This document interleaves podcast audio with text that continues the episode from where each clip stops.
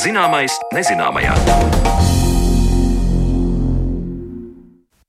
Esiet sveicināti, cienījamie klausītāji! Turpmāko stundu jūsu uzmanībai raidījums Zināmais nezināmajā. Mans vārds ir Mariona Baltkalne un raidījuma producente ir Paula Gulbīnska. Mūsu pašu organisma šūnas, katra atsevišķi un visas kopā, ir vienreizēja pasaule. Šūnas, protams, ir pamatu pamats, kas tālāk veido orgānus un orgānu sistēmas, un brīdī, kad ķīmiski radītās zāles pacientam nevar sniegt cerību, arī tur var palīdzēt šūnas. Gan par šūnu, gan gēnu terapiju, cik tālu ar to esam tikuši, mēs stāstīsim stundas otrajā daļā. Bet šūnas ir vienreizējas arī ar to, ka labi pārzina savu saimniecību un zina, ko tām vajag un no kā atbrīvoties. Un par to tad sižets raidījuma iesākumā. Tieši proteosomas un lizosomas ir tās struktūras, kas mūsu organismā pārstrādā un sašķiro atkritumus. Sīkāk par to, kā šūnas tiek galā ar atkritumiem, klausieties Zanes Lāces Baltāksnes sarunu ar bioloģijas zinātņu doktori Inesi Čakstiņu dzērvi. Šķirošana un otraizējā pārstrāde ir termini, ko parasti attiecinām uz apsaimniekošanas jomu. Taču arī dzīves būtnes ķermenī, mikroskopiskā līmenī, notiek šāda, teiksim, saimnieciskā darbība, un par to arī būs šis stāsts. Šūna ir fantastiska vienība. Tā ir ļoti efektīva, jo neizmantos un neuzglabās to, ko tai nevajag. Tā uzsākot sarunu par to, kā šūnas tiek galā ar atkritumiem, teica bioloģijas zinātņu doktore Rīgas Stradiņa Universitātes onkoloģijas institūta vadošā pētniece Inese Čakstiņa dzērve. Lai mūsu ķermeņa šūnās neuzkrājas nevajadzīgās vielas, šūnas tās vai nu pārstrādā, vai arī izmet ārā un par to, kā notiek šis attīrīšanas process šūnu līmenī, to skaidro Inese Čakstiņa dzērve. Tāpat kā mēs, kā organisms, mums ir mūsu izmeši, tāpat arī šūnai ir savi izmeši un savi atkritumiņi.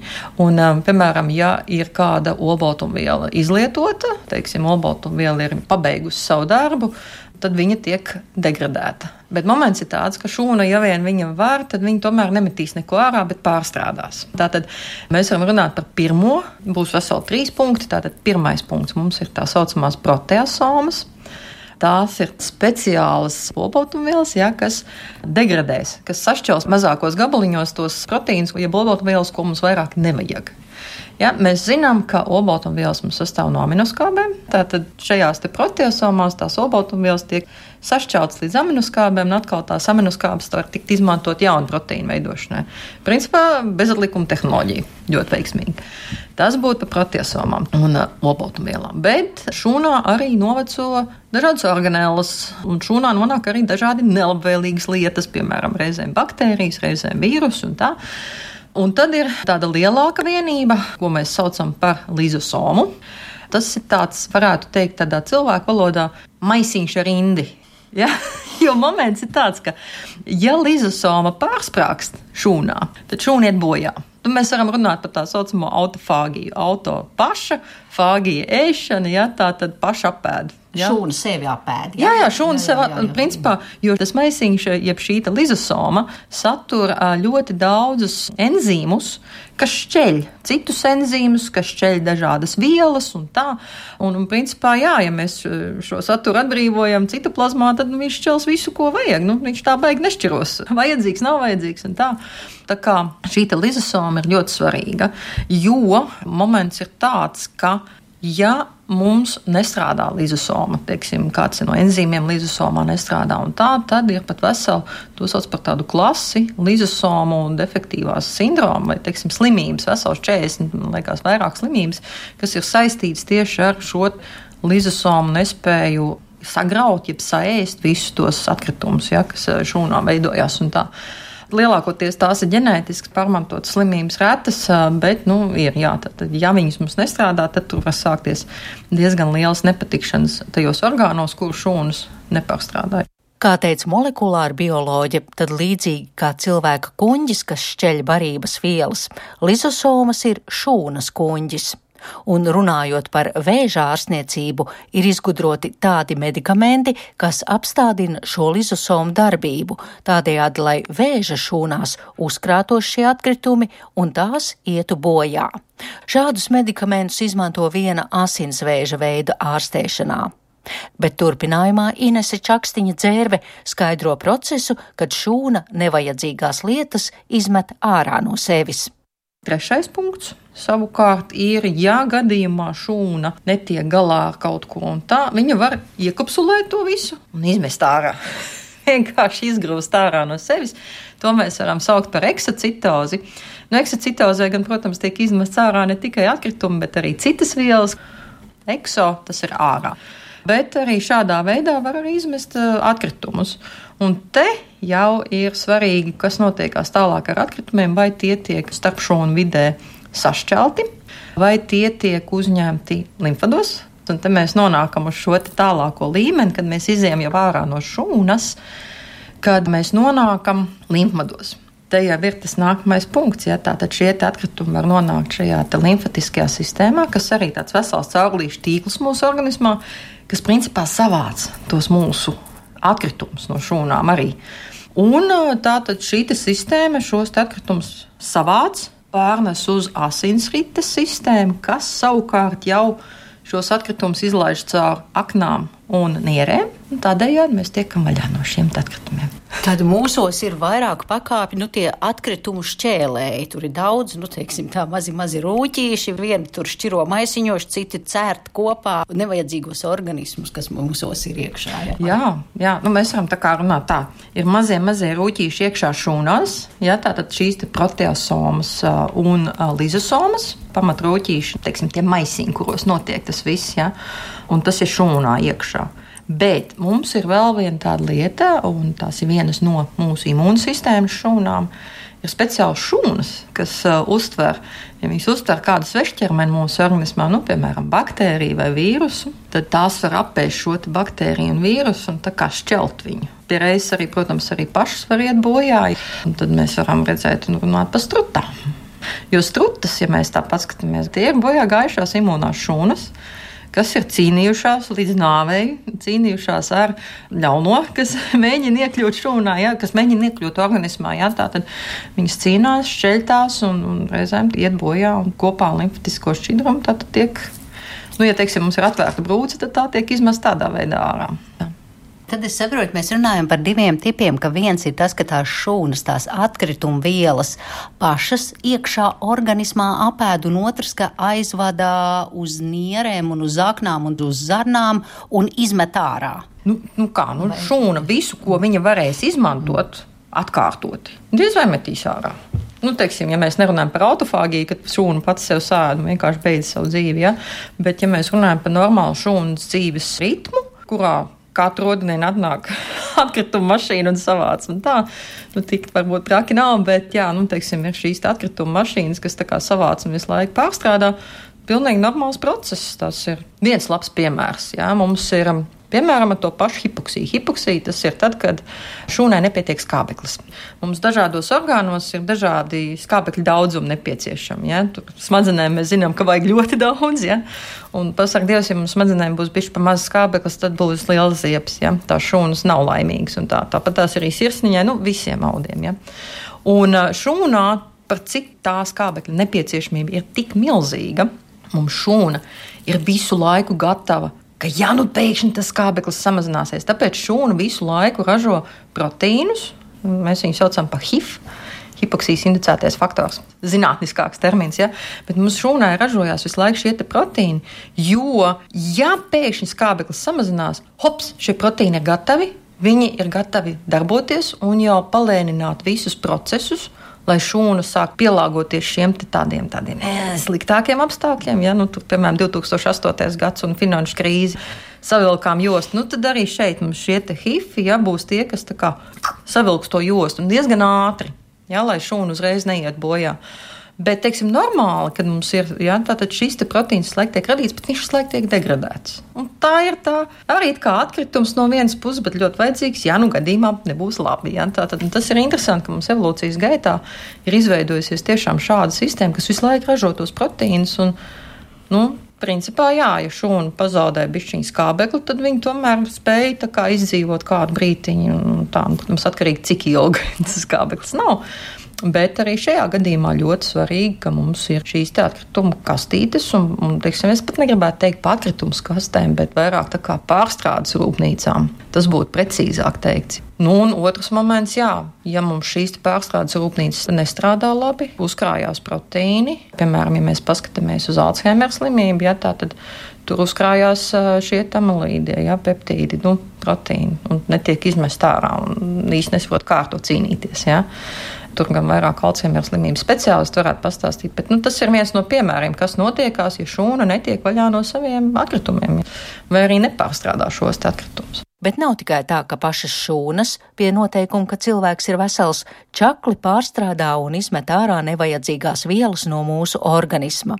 Ir līmenis, kurā cilvēkā pašam ir jāpalīdz atbrīvoties no liekā, un te runa ir par limfatisko sistēmu, kurai ir liela loma vielmaiņas procesā.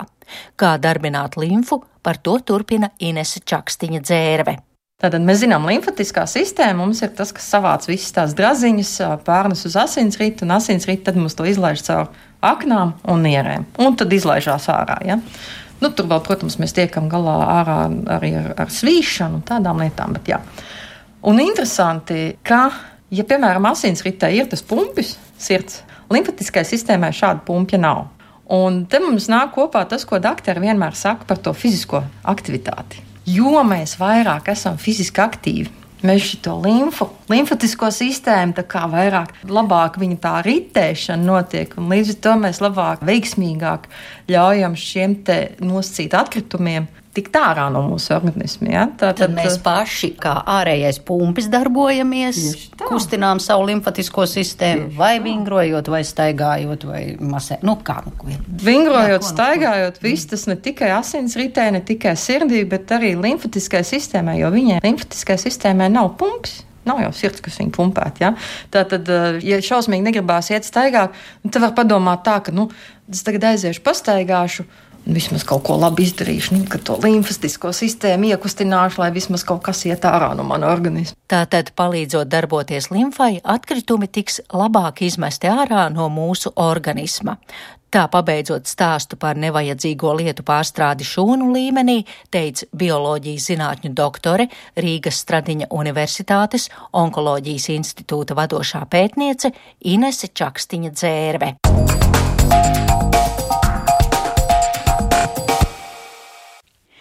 Paldies kolēģei Zanēlācei Baltāksnei, dzirdējāt viņas sarunu ar bioloģijas zinātņu doktori Inesi Čakstiņu dzērvi par mūsu organisma šūnu darbu ar nevajadzīgo, proti atkritumiem. Bet plašāk par šūnu un gēnu terapijām, kas paver aizvien jaunas iespējas medicīnā, sarunāsimies pēc mirkļa raidījuma turpinājumā.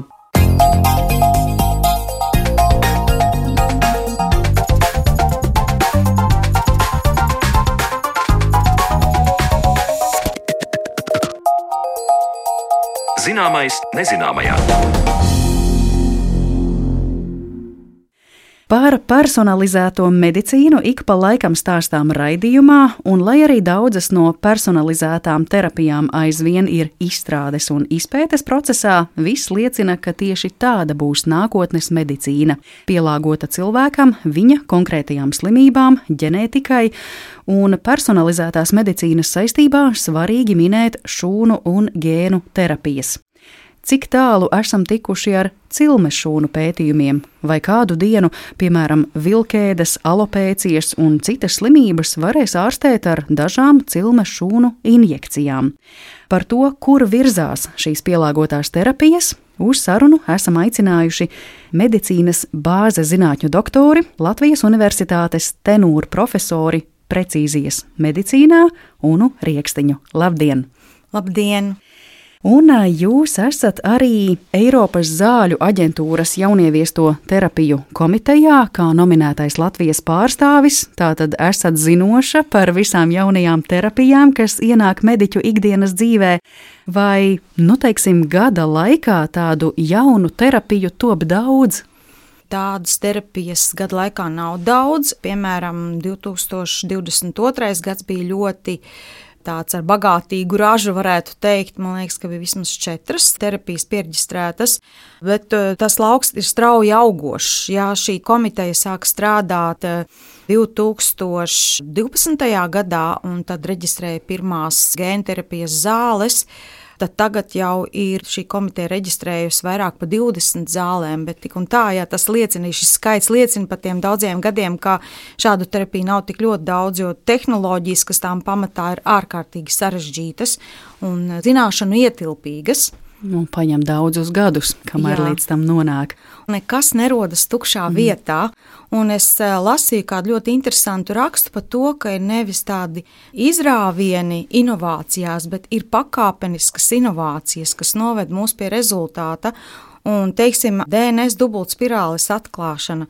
Tas, kā uzzināja, kā tiek kodēta visa informācija par cilvēka olbaltumvielām, kas nosaka mūsu funkcijas, šīs zināšanas uzkrājās un arvien vairāk izprata, kā darbojas organisms veselībā un kas notiek slimībā un atradāt tādu veidus, kā molekulārā līmenī ietekmēt šo slimību un izārstēt. Un tagad jau iet tālāk, tagad arī izprot to šūnas darbību, jo mūsu uzbūves pamatvienība ir šūna.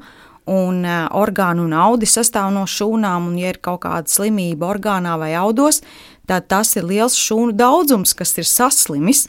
Un tad var jau domāt, kā tās šūnas izvesaļot, vai nu pievadīt klāt veselās, vai pievadīt klāt kādu vielu, kas viņas uzlabo un padara veselākas.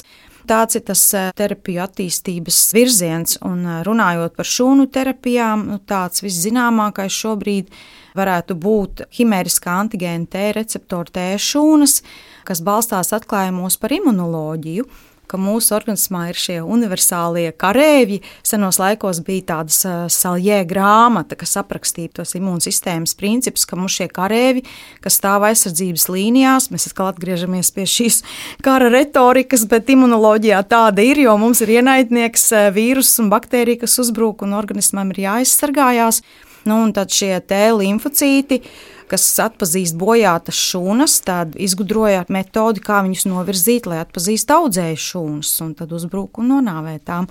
Un, kas ir interesanti, padarīt tās par zālēm palīdz viens cits vīrus, kas pats par sevi ļoti kaitīgs. Tas nāk no tādas retrovīrusu saimes, pie kuras pieder arī cilvēka imūndeficīta vīrus, taču cilvēks ir iemācījies apgriezt teiksim, tā, sānus jau un piegriezt šo vīrusu tā, ka viņš tikai izdara darbu, ienes vajadzīgo informāciju T limfocītā un tad eh, tā informācija tiek apstrādāta, un uz tēša šūnas virsmas parādās rīks, ar ko viņa saķer, audzēja šūnu, saķer, un tad tiek saņemta komanda arī nonāvēt šo audzēju šūnu. Un tas ir, man liekas, apbrīnojams zinātnes sasniegums, kā var paņemt cilvēka paša rīcībā jau esošas mm -hmm. šūnas, apstrādāt, ievadīt atpakaļ organismā, un tās iznīcina šūnas, kas ir zaudējušas eh, savu kā teikt, sasaisti ar organismu un dzīvo savu dzīvi, un mm. vairojas un izplešas un traucē.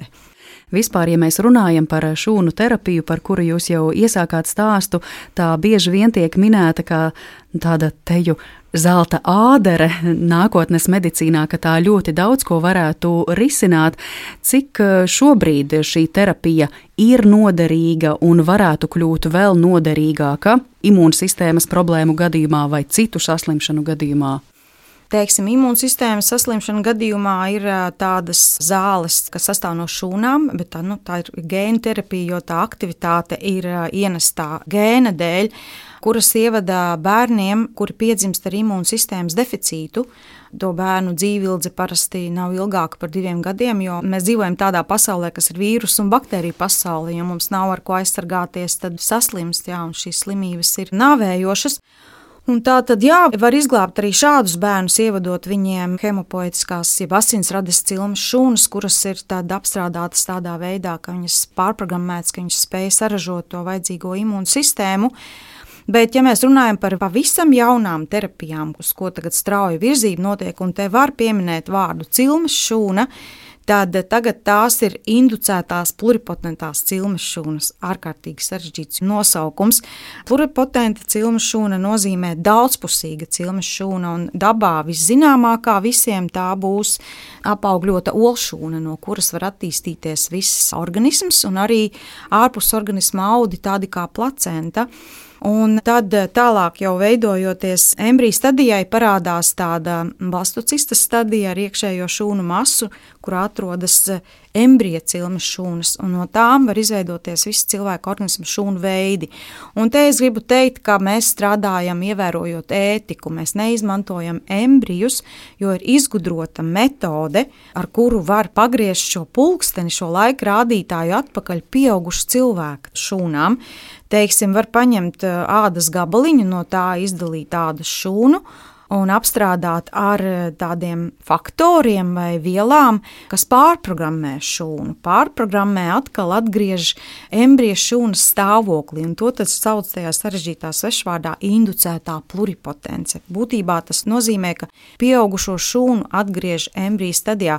Par šo atklājumu tika arī piešķirta Nobela prēmija, jo tas bija tiešām nozīmīgs atklājums, bet, kā jau teicu, tas neradās tukšā vietā, jā, tad bija uzkrāta zināmas priekšzināšanas zināšanas par eh, organismu, gan eh, embrioģenēzi, jeb embriju izveidi, gan to, ka var pārstādīt, pārnest no vienas šūnas uz otru kodolu, ja tad pārnest no ķermeņa šūnas uz olu šūnu, samainīt vietām un tad iegūt aitu doliju, jo klonēto, ja šī te klonēšana.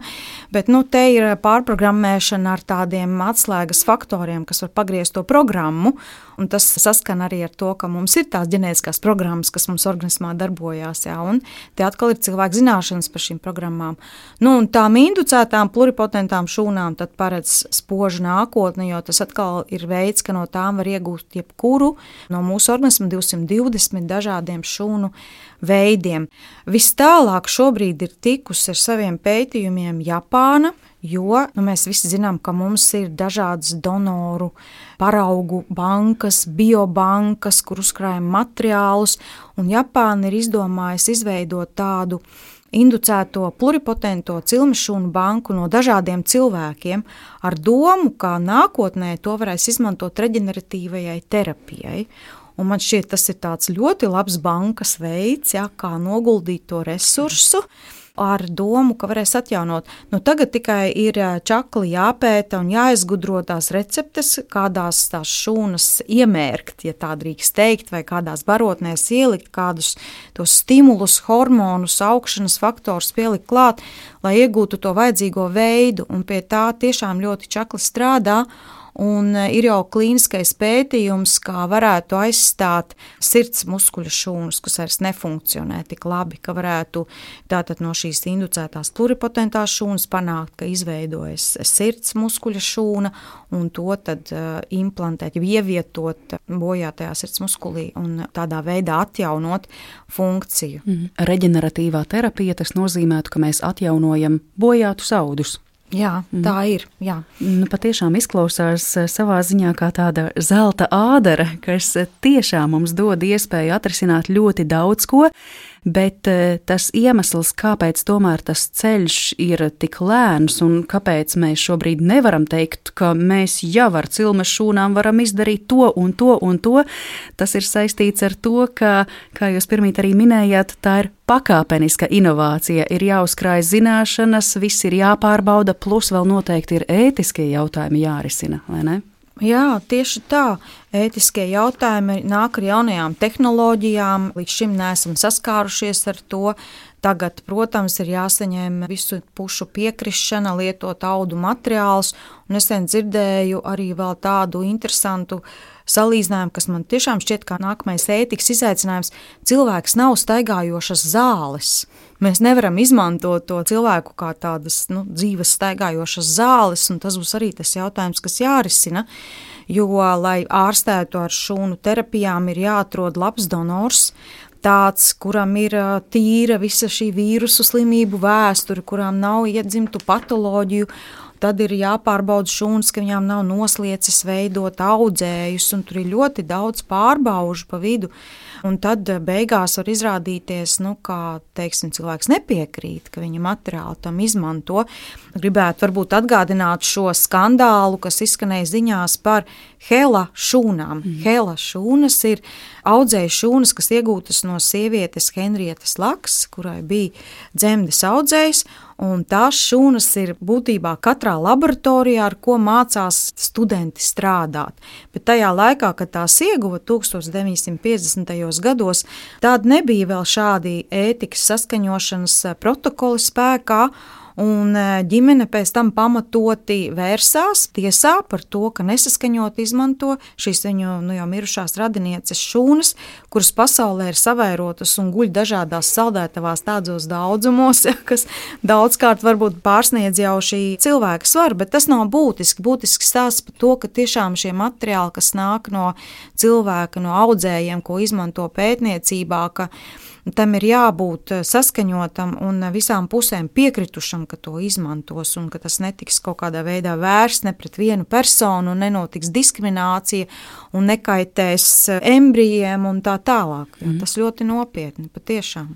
Viens faktors, kas noteikti varētu raisīt jautājumu, ir par sadarību. Tas vienmēr ir aktuāls jautājums, kad runa ir par donoru, vienalga vai tas būtu asins vai orgānu donors un par materiāla saņēmēju recipientu pacientu, un vai šūnu terapijā tas arī ir aktuāls jautājums, jo kā cilmes šūna jau var darboties no cita cilvēka paņemta šūna, ko mēs tagad recipientam ievadam organismā. Jā, tas ir tas pats princips, kas ir orgānu transplantācijā. Orgāni, kā jau minēju, sastāv no šūnām, mm. tā tad arī šūnu terapijā darbosies tas pats princips, ka ir jābūt sadarbībai.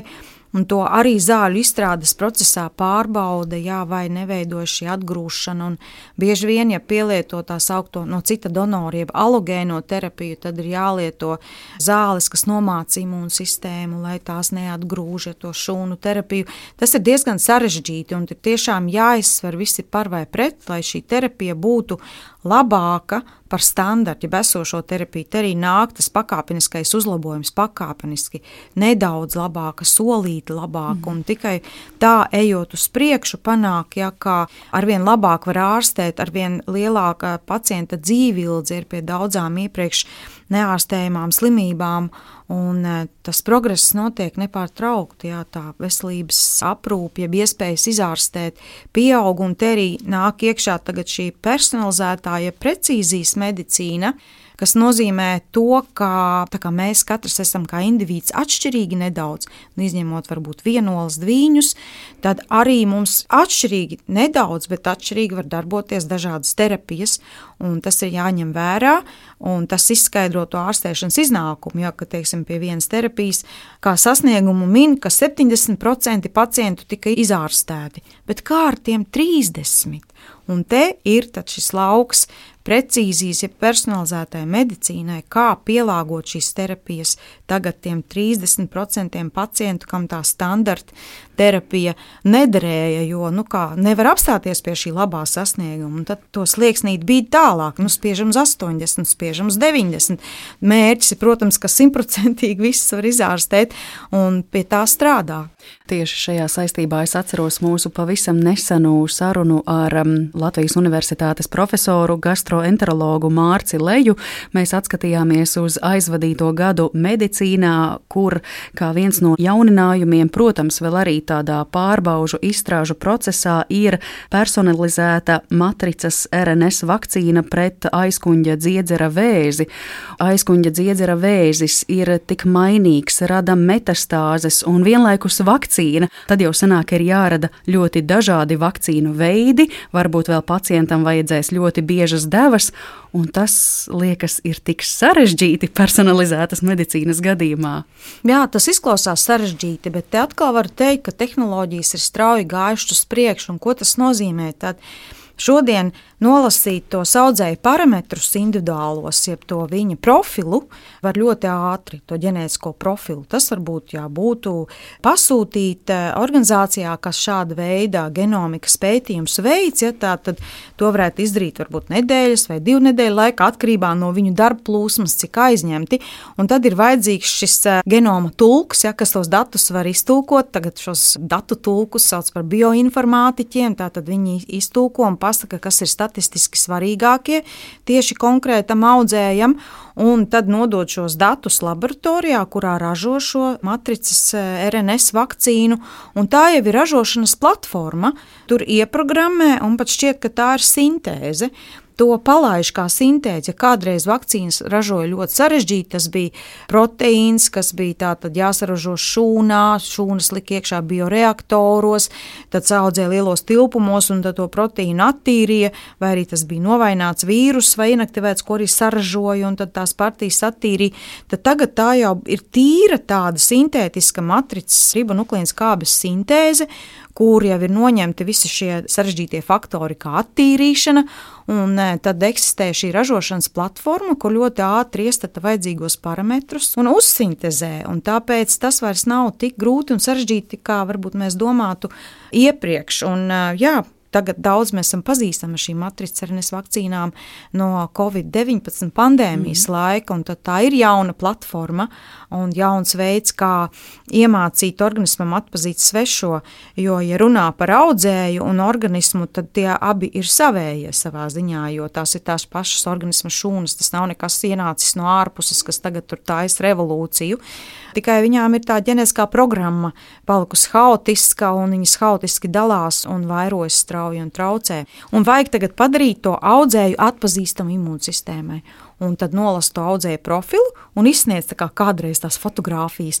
Lūk, šādi izskatās, ja meklējat šo, un tad ar to matricu RNS, ja izsniegs imūnsistēmai šo profilu, tās šūnas apmācīsies un meklēs šāda veida šūnas, kuras būtu jāizvāc. Tā kā tas izklausās sarežģīti, bet tehniski un no ražošanas viedokļa tas jau mūsdienās ir salīdzinoši vienkārši izdarāms. Mm. Un arī pārskatot, eh, ko diskutē starptautiskā telpā vai Eiropas Savienībā, kādi ir tie nākamie projekti par audzēju, tad audzēju jau uz to skatās tā, ka tā vairs nebūs nāvējoša slimība, tā būs hroniska slimība. Tāpat atsaucoties uz HIV piemēru, kā sākumā 90. gados tas bija vīrus, nu, ar kuru tika parakstīts nāves spriedums, ja kādam diagnoze bija, bet tagad, eh, dzerot zāles, tas ir vispār netraucē cilvēkam dzīvot eh, pilnvērtīgu dzīvi. Un tā arī man eh, šo projektu ideja un mērķis šķiet aizraujošs, jā, panākt to, ka audzējs ir tāda kroniska slimība, ko var ārstēt un sekot līdzi. Audzējs mainās, un tad atkal noraksturo to profilu un atkal pielāgo to vakcīnu vai zāles tam nākamajam profilam. Un tas nozīmē, ka šajā ārstēšanas procesā arī ir tāda cieša sasaiste, varētu mm. teikt. Nav tā, ka izraksta zāles, tāpat arī kroniskās slimībās izraksta zāles, un laika pa laikam ir jāaiziet, kādas analīzes jānodod un seko līdzi, vai tās darbojās, un tad korģē devu vai korģē citas zāles. Nu, te būtu arī līdzīgi jā, mhm. ar šīm audzēju vakcīnām. Es jūtu, ka tā ir principā priekšstatu maiņa par to, kas ir viena vai otra saslimšana, kas ir vai nav audzējs. Bet, uh, Unai, jūs uh, stāstījāt par šūnu terapiju un vienā brīdī pieminējāt jau arī gēnu terapiju. Kas tad būtu atšķirības starp vienu un otru terapiju? Tā runājot definīcijās, uh, šūnu terapija ir tā, kur ārstnieciskais efekts ir no šūnas, tātad no vielām, ko šūna izdala vai funkcijām, ko šūna veids. Un Eiropas Savienībā šobrīd ir reģistrētas uh, divas šūnu terapijas zāles. E, vienas ir, lai ārstētu krona slimības rezultātā radušos tādu čūlu, jeb anālo fistulu. Tieši tās zāles darbojās, lai nomāktu iekaisumu uz vietas tur. Un e, otras zāles ir, e, lai pavairotu nabasaites asins šūnas un iegūtu pietiekamu skaitu, lai varētu veikt nu, pārējas tādu transplantāciju, ja ir vajadzīgs pārstādīt kaulu smadzenes. Un savukārt gēnu terapija ir tajā gadījumā, ja ārstnieciskais efekts ir no tā gēna, kas ir ielikts iekšā. Un gēnu terapija var būt gēns, kas ir ielikts šūnās, mm. kā piemēram šīs ķimeriskā antigēna T receptora šūnas, vai gēnu terapijā varētu būt arī, kā šis gēns ir ielikts vīrusā. Un tagad ir reģistrētas daudzas zāles, kas balstās adenosaistītā vīrusa vektorā. Vektors ir gēnu pārneses līdzeklis. Tā kā šo vīrusu atkal apgriež tā, lai viņš ir nekaitīgs, bet viņš spēja ienest uh, gēnu šūnā terapeitisko. Un tagad mums ir zāles jau pret beta-talasēmiju, pret hemofīlijām A un B, tādas vīrusu veida zāles. Tad faktiski ievadot organismā, šis vīrus ienes vajadzīgo gēnu, kas pietrūks, jo tur ir kāda ģenētiska mutācija pamatā, un tad ir ienests šis pareizais gēns ar to kodu olbaltumvielu degvielai, kas var veikt to funkciju un tā atjaunojās. Protams, šīs terapijas ir jaunas un ir uzlikts apsekošanas periods. Pacientam jāsako līdzi vismaz 15 gadi, un viss tiek rūpīgi dokumentēts. Bet pretstatā tam, kas bija līdz šim, ka bija jāsņem regulāras asins pārliešanas, kas bija sāpīgi, nepatīkami, bieži, un tagad ir tā vienreizējā gēnu terapijas līdzekļa ievade, kas pacientam atvieglo dzīvi. Nu, Tā es vismaz dzirdu diskusijās, mm. kas notiek Eiropas zāļu aģentūrā, un arī kāpēc šīs zāles apstiprina, jo viņām šis ieguvums ir lielāks par riskiem. Jūsu pieminētā beta talasēmija un, starp citu, arī sirpju anēmija ir saslimšanas, ģenētiskas saslimšanas, ko izraisa ģenētiskas mutācijas un ietekmē hemoglobīna veidošanos. Pagājušā gadā nogalē tās tieši daudz tika pieminētas, jo pret tām tika radītas zāles, izmantojot uh, gēnu terapiju, un tā šķiet ir daudzkārt plaši apspriestā CRISPR-Cas9 gēnu tehnoloģija. Vai tā ir? Jā, jā arī šo gēnu rediģēšanas metodi sāk pielietot un arvien plašāk. Un man sākumā arī likās, nu, tas jēdziens svešs, nu, kā var rediģēt gēnus un kāds tam sakars ar zālēm. Jā, bet jā. tagad tiešām ja, ievada to gēnu labošanas sistēmu šūnās un tie izlabotos bojātos gēnus, kas ir kāda viena nu, nukleotīda nomaiņa ja, vai dažu, un tad var izlabot un panākt, lai veidojas funkcionāls proteīns. Tad jā, šī tehnoloģija ienāk arī strauji, un par to arī bija Nobel prēmija 2020. gadā. Man šķiet, tas ir ļoti likumsakrīgi. Jā, grib zināt, kādas būs jaunās terapijas, tūlīt, tūlīt pēc pāris gadiem, tad jāpaskatās, par ko ir piešķirta Nobel prēmija medicīnā. Un pilnīgi noteikti tūlīt pēc šīs prēmijas piešķiršanas ar pāris gadu atstarpi seko jau zāles, kas ir reģistrētas un patentētas tieši izmantojot šo atklājumu. Bet sakiet, ar vārdu zāles mēs tad sanāk saprotam arī tīri tehnoloģiju. Nu, ja mēs atgriežamies pie šī stāsta par beta talasēmiju, sirpīveida anēmiju, pret kurām tad ir radītas zāles, izmantojot gēnu inženierijas tehnoloģiju, vai zāles ir pati tehnoloģija? Nē, tehnoloģija rada zāles. Mm -hmm. Ar šo tehnoloģiju pārvērš, rediģē šūnas, kuras tad kļūst par zālēm. Bet tās e, zāles ir nu, ārstē slimību vai preventīvi iedarbojas. Jā, tās būtu zāles kā vielas. Tikai tagad tas koncepts ir, kā šūnas ir kā zāles, vīrusi ir kā zāles. Tas ir tas jaunais koncepts. Ja kādreiz bija tās ķīmiskās molekulas, kā zāles, tad tagad koncepts ir arī kā vīrusi, šūnas, gēni gēni var kalpot eh, kā zāles. Skaidrs. Bet interesanti, tas atkal ir priekšstatu maiņa par to, kas ir zāles. Es eh, mūsu sarunas iesākumā pieminēju tādas saslimšanas kā vilkēde, tad arī autoimūnā saslimšanā alopēcija, vai pret šādām saslimšanām arī varētu darboties šūnu terapija, gēnu terapija. Domāju, ka jā, sevišķi tur, kur ir autoimūnās saslimšanas, tad pie autoimūnām saslimšanām pieder daudzas. Ir šī vilkēde, ir arī autoimūnā vairogdziedzera saslimšana, ir arī autoimūnā alopēcija, ja, kad izkrīt mati, un ir arī šis eh, pirmā tipa cukura diabēts, kur imūnsistēmas šūnas uzbrūk, artrīti, ja, ārkārtīgi daudz. Un te varētu būt atkal tāda šūnu terapija, kas palīdz tikt galā ar tām uzbrukošajām šūnām, jo tās jau nav visas imūnsistēmas šūnas, kas uzbrūk tai ādai vai matu saknītei vai aizkuņa dziedzera, bet saliņām bet tie sauktie kloni, es nezinu, varētu tagad atkal piesaukt kaut kādu metaforu, kas ir klons, klonu kari. Klons ir visas šūnas vienādas izcelsmes, no vienas šūnas cēlušās, un tad, piemēram, tās varētu būt eh, viens šūnu klons, kas atpazīst un uzbruk tam orgānam. Un, ja saprastu, kas tieši viņu identificē, tad atkal varētu uztaisīt profilēšanu un tad iedot imūnsistēmai to karti vai ievadīt tādas imūnsistēmas šūnas, kas atpazīst tieši tās citas uzbrukošās un tās aizvākt. Gēnu terapija pret autoimūnām es tā uzreiz nevaru iedomāties, bet ir ļoti interesanti arī veidi, kā mēģina risināt dažādas iekaisumus, pat jau baktērijas sāk izmantot. Teiksim, baktērijā arī var iekodēt kādu faktoru, kas nomāca imūnsistēmu, Un tad, ievadot šo baktēriju organismā, tad viņi izdalīs šo faktoru un nomāks iekaisumu, piemēram, zarnu traktā. Nu, tādas idejas arī virmo apkārt. Ja? Tā tad dažādi veidi, kā koriģēt to slimības gaitu. Vai viņa aizgājusi tādā patoloģiskā ievirzē, ja, kas ir kaitējoši organismam, kā to izmainīt, ja, atgriezt atpakaļ tā, lai nekaitē organismam. Ir daudzas saslimšanas, kuras mēs iegūstam arī dzīves laikā, epigenētiskās saslimšanas, kuras, protams, iegūstam daudzu iemeslu dēļ, vai no atkarībā no tā, ko mēs ēdam, vai kādā gaisā uzturamies, vai cik liels vai mazs ir mūsu ikdienas stress, vai šo daudzo saslimšanu gadījumā atkal nāktu tālāk gēnu terapija, šūnu terapija. Nu, droši vien viena no epigenētiskām saslimšanām ir jau mūsu pieminētais vēzis te es nemācīšu pateikt, vai tas ir tīri tikai epigenētika, jo parasti audzēju saslimšanām tomēr ir mutācija, jeb kādas izmaiņas gēnos jau organisma līmenī. Tās nav iedzimtas, tās iegūst dzīves laikā.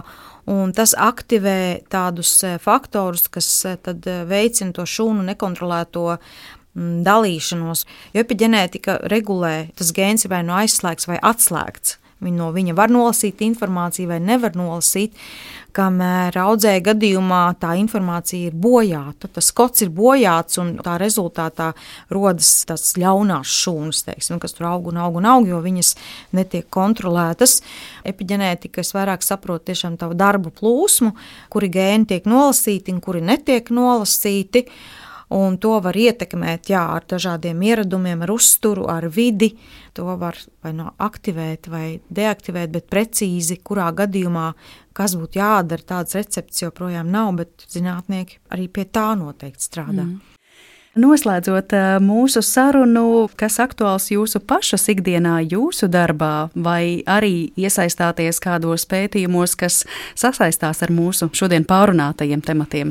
Jā, mums ir ļoti interesanti projekti. Ir darbība valsts pētījuma programmās, tad inovāciju fonda programmās, kur mēs tieši esam uzsākuši šo inducēto pluripotento cilmes šūnu izveidi.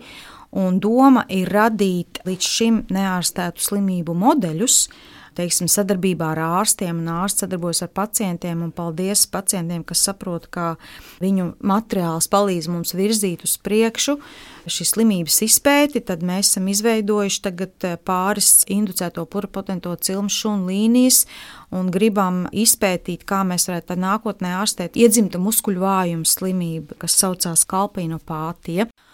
Un e, tātad mēs tieši izmantojam to jauno tehnoloģiju, kā pieaugušo šūnu var pagriezt atpakaļ embriju šūnu stadijā un pēc tam saprogrammēt, lai kļūst par mioblastu, par muskuļu šūnu, un tad jau pētīt, kas tam muskulim ir pa vājumu un kā mēs to varētu ietekmēt, lai izārstētu. Otrs ļoti interesants šīs inovāciju fonda projekts mums ir sadarbībā ar Cietvēlu fizikas institūtu. Tā ir vēl viena jauna joma - orgāns uz čipa. Nu, kas Aha. tas tagad tāds? Mm. Visi iedomājas tādus mikročipus, ja ko liek varbūt iekšā telefonos. Tādus mikročipus, nu, druscīt lielākus gan šobrīd mērogā mēs konstruējam laboratorijā un sējam tam virsū organisma šūnas. Teiksim, mēs gribam izveidot aizkuņa dziedzera organoīdu čipu un tad atkal skatīties, kā darbojās šūnas. Tuvāk, vēl tuvāk cilvēka ķermeņa vidē, apstākļos, kad plūsmā viņas ir, kad plūst pāri barotne, līdzīgi kā asinis apziņu orgānu, jo daudz zāles ir atklātas e, šūnās augot Petrī platītē, ja vienkārši uz virsmas plakani, tad tagad mēs pētam jau pēc iespējas cilvēku organismam līdzīgos apstākļos, tātad šie te orgānu šķipa tehnoloģija, kur tātad sagatavo šos mikrofluīdikas čipus. Mums sadarbības partneri no Cietvēl fizikas institūta, un mēs ejam vēl tālāk. Mēs tiešām gribam ielikt tagad visas jaunās platformas, kas eksistē, tad arī runājot par laboratorijas dzīvniekiem, mums vadošais pētnieks Vadims Parfējevs strādā pie zebra zivtiņu modeļa ieviešanas, jo zebra zivtiņa arī ļoti noderīga, kur ir dažas līdzīgas slimības, var imitēt cilvēka slimības, un arī šajā modelī var pētīt jaunas zāles. Un var pētīt arī audzēju izveidu un pētīt, uz kurām zālēm audzējs ir jūtīgs. Un eh, vēl mēs strādājam pie tāda mērķēto terapiju paveida, kas ir īsas, mazas dezoksribonuklīna skābju virtenītes. Ja mēs runājam par matricas RNS, tad mēs strādājam ar īsākām virtenītēm, kā šī matricas RNS ķīmiski sintēzētām un tās arī mērķēt spēja atpazīt audzēju, un mēs gribam atlasīt tādas, kas noprofilējot audzēju, ir specifiskas tikai audzējam, mm. un tad tās varētu pēc tam kalpot kā jauni mērķēto zāļu līdzekļi, ka pielikt viņiem galā kādu nu, audzējam slikto vielu un tad nogādāt mērķēti tieši uz to audzēju. Bet tie visi pētījumi mums ir preklīniskajā jomā. Preklīniskā joma ir viss, kas notiek līdz cilvēkam, visi eksperimenti, jo tieši tur arī rodās un tiek pārbaudīti jauno zāļu koncepti. Un tad, kad ir sasniegts tas rādītājs preklīniskā jomā, jā, mēs varam izārstēt slimību Petrī platītē vai orgānā uz čipa vai zebra zivtiņas modelī, un tad jau tā tehnoloģija vai nu tad mums viņa jāpatentē un jānodod ir lielākām, jaudīgākām kompānijām, kuras var tālāk palaist pilnu preklīnisko programmu, kas ir toksikoloģija dažādos dzīvniekos, kas ir efektivitāte vēl citos īpašos dzīvnieku modeļos, un pats augstākais ir pērtiķos, jeb primātos pētījums. Tas jau ir ārpus universitātes sienām, ja mūsu uzdevums ir radīt ja, šīs te tehnoloģijas un skatīties, kas tālāk darētu, ja būtu virzāms uz priekšu, uz klīniku, bet nu, līdz tam iet tie desmit gadi. Mm. Tas nekur nepaliks. Tās ir daudzas disertācijas un daudz eksperimenti gan veiksmīgi, gan neveiksmīgi. Jo, ja visi eksperimenti būtu veiksmīgi, tad mums nepietiktu Nobela prēmijas, ar ko visus apbalvot. Jā. jā. Tā kā ir ejam cauri tam lauciņam, un patiešām šodien es arī biju laboratorijā un skatījos mikroskopā uz inducētām pluripotentām šūnām un priecājos. Es domāju, kā varētu izstāstīt cilvēkiem savu prieku un dalīties tajā, Un tas varētu būt līdzīgs kā dārzkopja prieks, ka viņam aug skaists augs, vai zieds ir atvēries, vai kāda sēkliņa ir uzdīgusi. Tās man ir prieks arī par šūnām, kuras aug un labi jūtās. Un, un tā mēs viņus tur kopjam un eksperimentējam. Un tie ir mūsu rīki un instrumenti, lai sasniegtu to rezultātu, kas ir jaunas šūnu zāles, gēnu zāles vai mērķētās zāles. Ja precīzīs medicīna nākotnē. Mm. Nu, lūk, klausītāji, mūsu viesņai Unai Rieksniņai patiešām priekā mirdz acis. Paldies jums, Una, un es atgādināšu klausītājiem, ka ar mums šodien kopā sarunā bija medicīnas bāzes zinātņu doktore, Latvijas Universitātes tenūra profesore precīzijas medicīnā Una Rieksniņa. Lai jums izdodas viss turpmākais! Paldies!